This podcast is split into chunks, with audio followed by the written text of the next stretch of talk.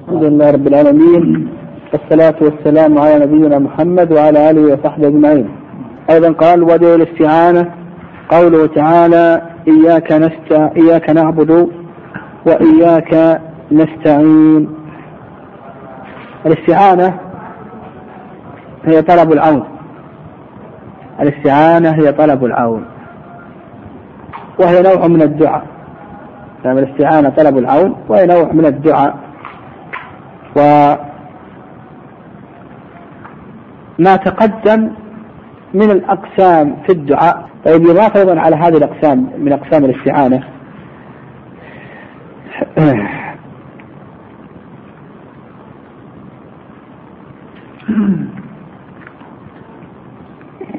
يضاف الاستعانة بالأعمال. المحبوبة إلى الله عز وجل. وهذا مشروع يقال الاستعانة بالأعمال المحبوبة إلى الله عز وجل وهذا مشروع مطلوب. ومن ذلك قال الله عز وجل واستعينوا بالصبر والصلاة. واستعينوا بالصبر والصلاة. ومن الأقسام أيضا أن يستعين بمخلوق حي حاضر. ليس بعيدا حي حاضر لكنه لا يقدر. فهذا له باطل مثل لو استعان بطفل على حمل الثقيل يقول هذا باطل. له يعني الاستعان بمخلوق حي حاضر لكنه غير قادر. تقول هذا باطل إلا إذا صاحب ذلك اعتقاد. إذا صاحبه اعتقاد أن له تصرف في الكون ونحو ذلك وأن له قدرة على هذا إلى آخره. فنقول بأن هذا شرك. نعم قال ودليل الاستعاذة قوله تعالى قل أعوذ برب الفلق وقل أعوذ برب الناس. الاستعاذة هي طلب الإعادة. نعم الاستعاذة هي طلب الإعادة والعود من مكروه. نعم طلب الاستعاذة والعود من مكروه. والأقسام السابقة في الدعاء تأتي هنا. نعم الأقسام السابقة في الدعاء تأتي هنا.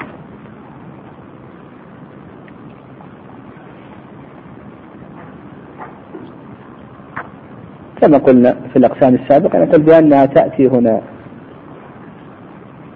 فالاستعاذة بالأموات الاستعاذة مش حكم هذا؟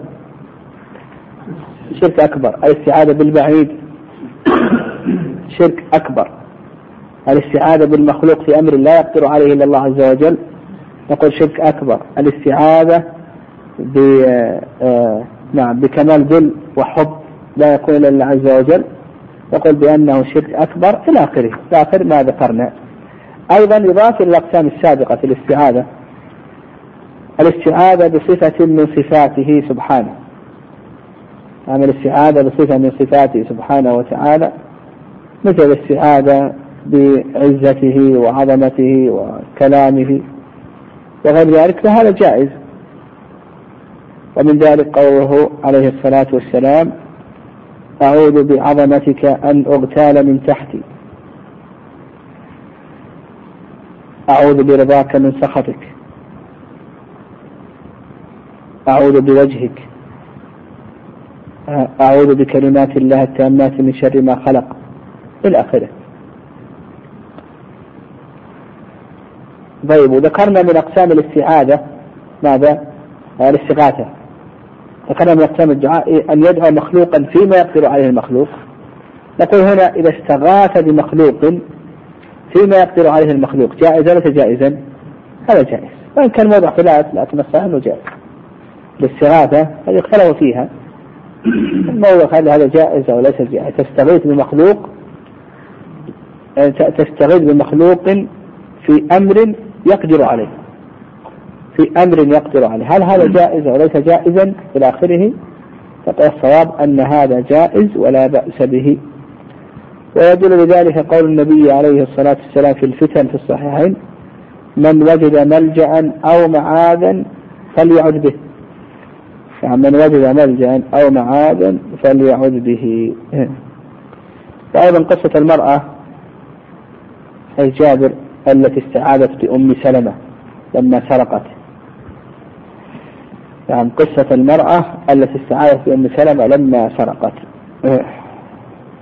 نعم إلى آخره. نعم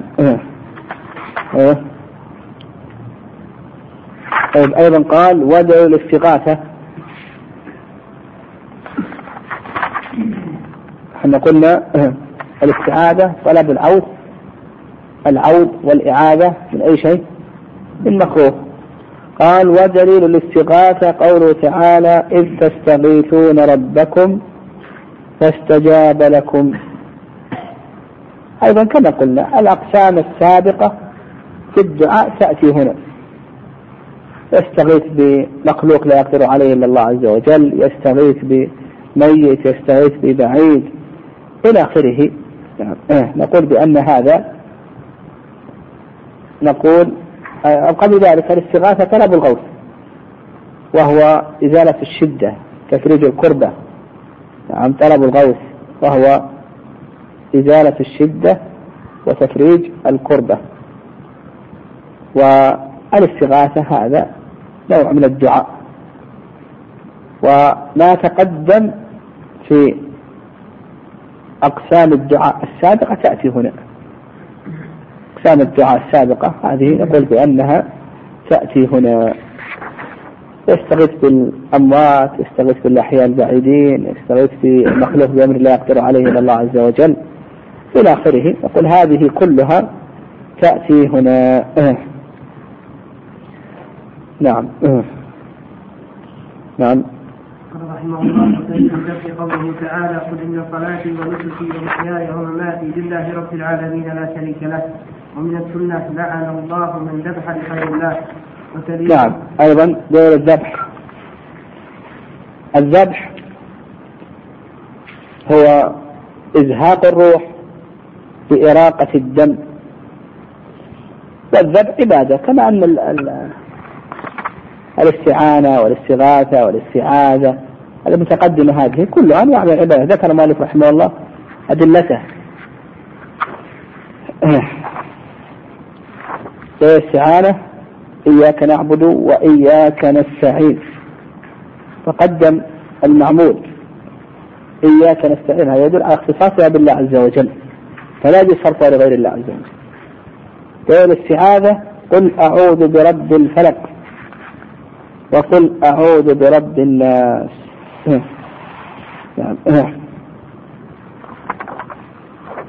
أمر بها. هذا عنها عبادة. قل هذا أمر. وهذا يدل عنها عبادة. فالاستعانة أنه قدم المعمول. هذا يدل على اختصاصه بأي شيء؟ بالله عز وجل. إياك نعبد وإياك نستعين. دل على أنها عبادة. لأن المختص بالله عز وجل هو العبادات. قل أعوذ برب الفلق قل أعوذ برب الناس. هذا أمر. والأمر هذا يدل على أنها عبادة. وأيضا الاستغاثة إذ تستغيثون ربكم فاستجاب لكم. هذا ثنى ثنى من الله عز وجل. هذا يدل على أنهم فعلوا عبادة. إذ تستغيثون ربكم ولأن الاستغاثة كما تقدم لنا نوع من الدعاء. نوع من الدعاء والدعاء عبادة.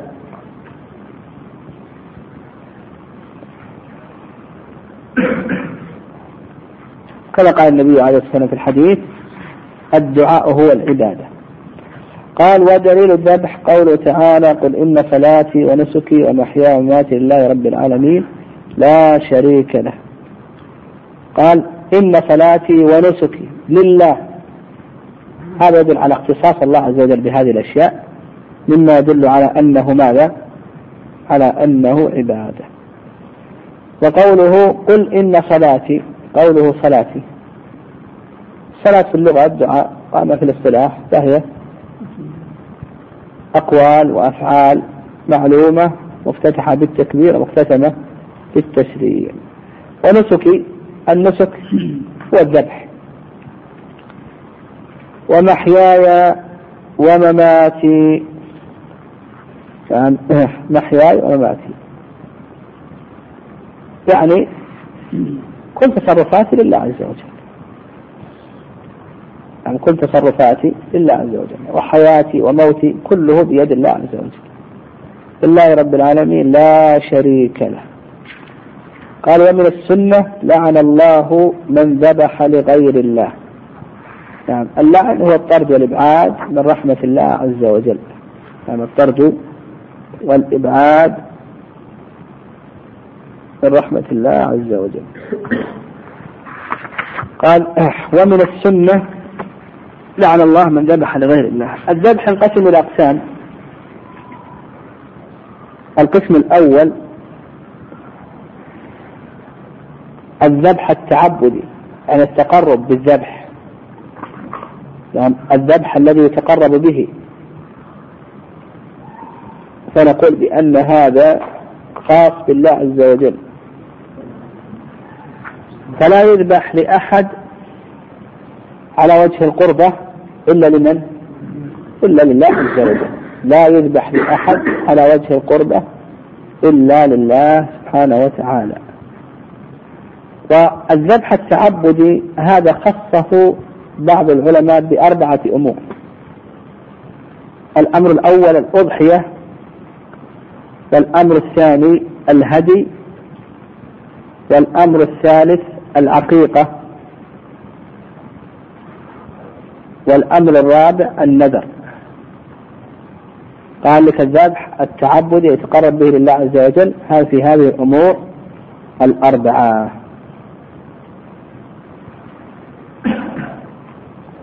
هذا القسم الأول. القسم الثاني الذبح الشركي.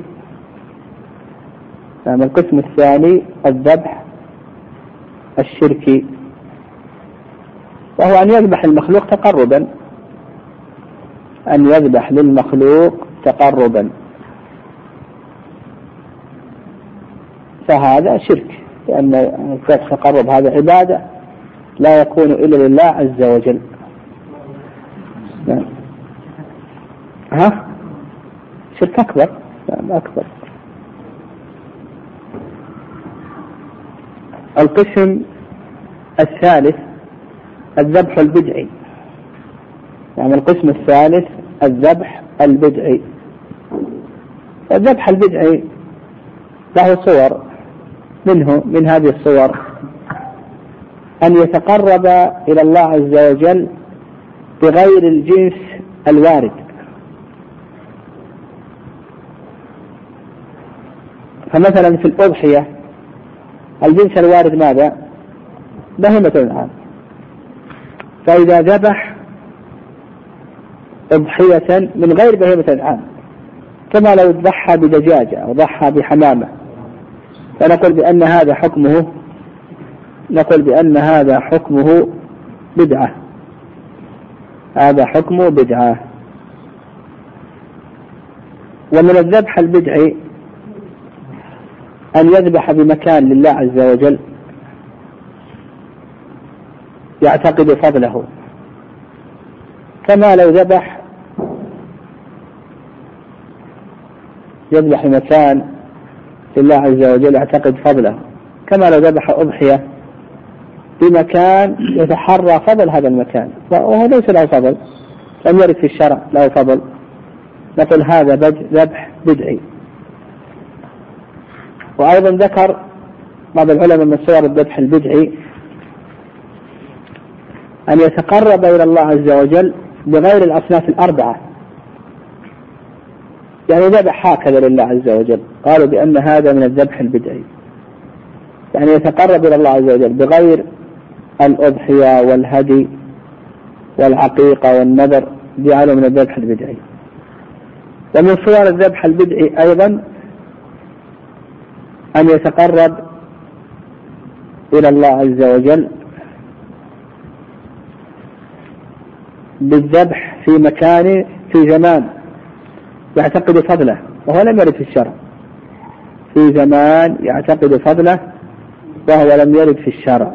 فنقول هذا من الذبح البدعي.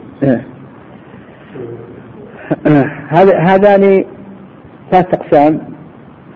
القسم الرابع نعم القسم الرابع. آه الذبح المباح. القسم الرابع الذبح المباح.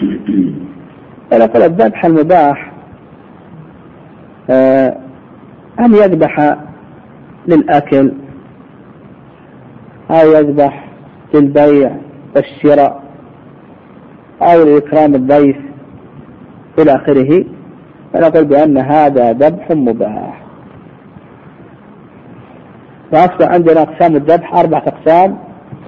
القسم الأول الذبح التعبدي.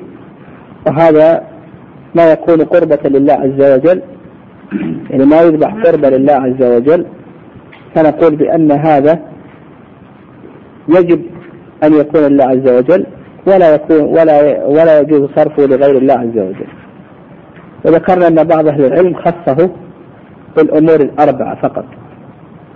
والقسم الثاني الذبح الشركي وهو أن يذبح للمخلوق تقربا فهذا شرك أكبر مخرج من الملة. والقسم الثالث الذبح البدعي. وهذا ذكرنا جملة من صوره. والقسم الرابع الذبح المباح. أن يذبح لكي يأكل أو ليكرم ضيفه أو ليبيع ونحو ذلك. هذا مباح نعم الله أعلم.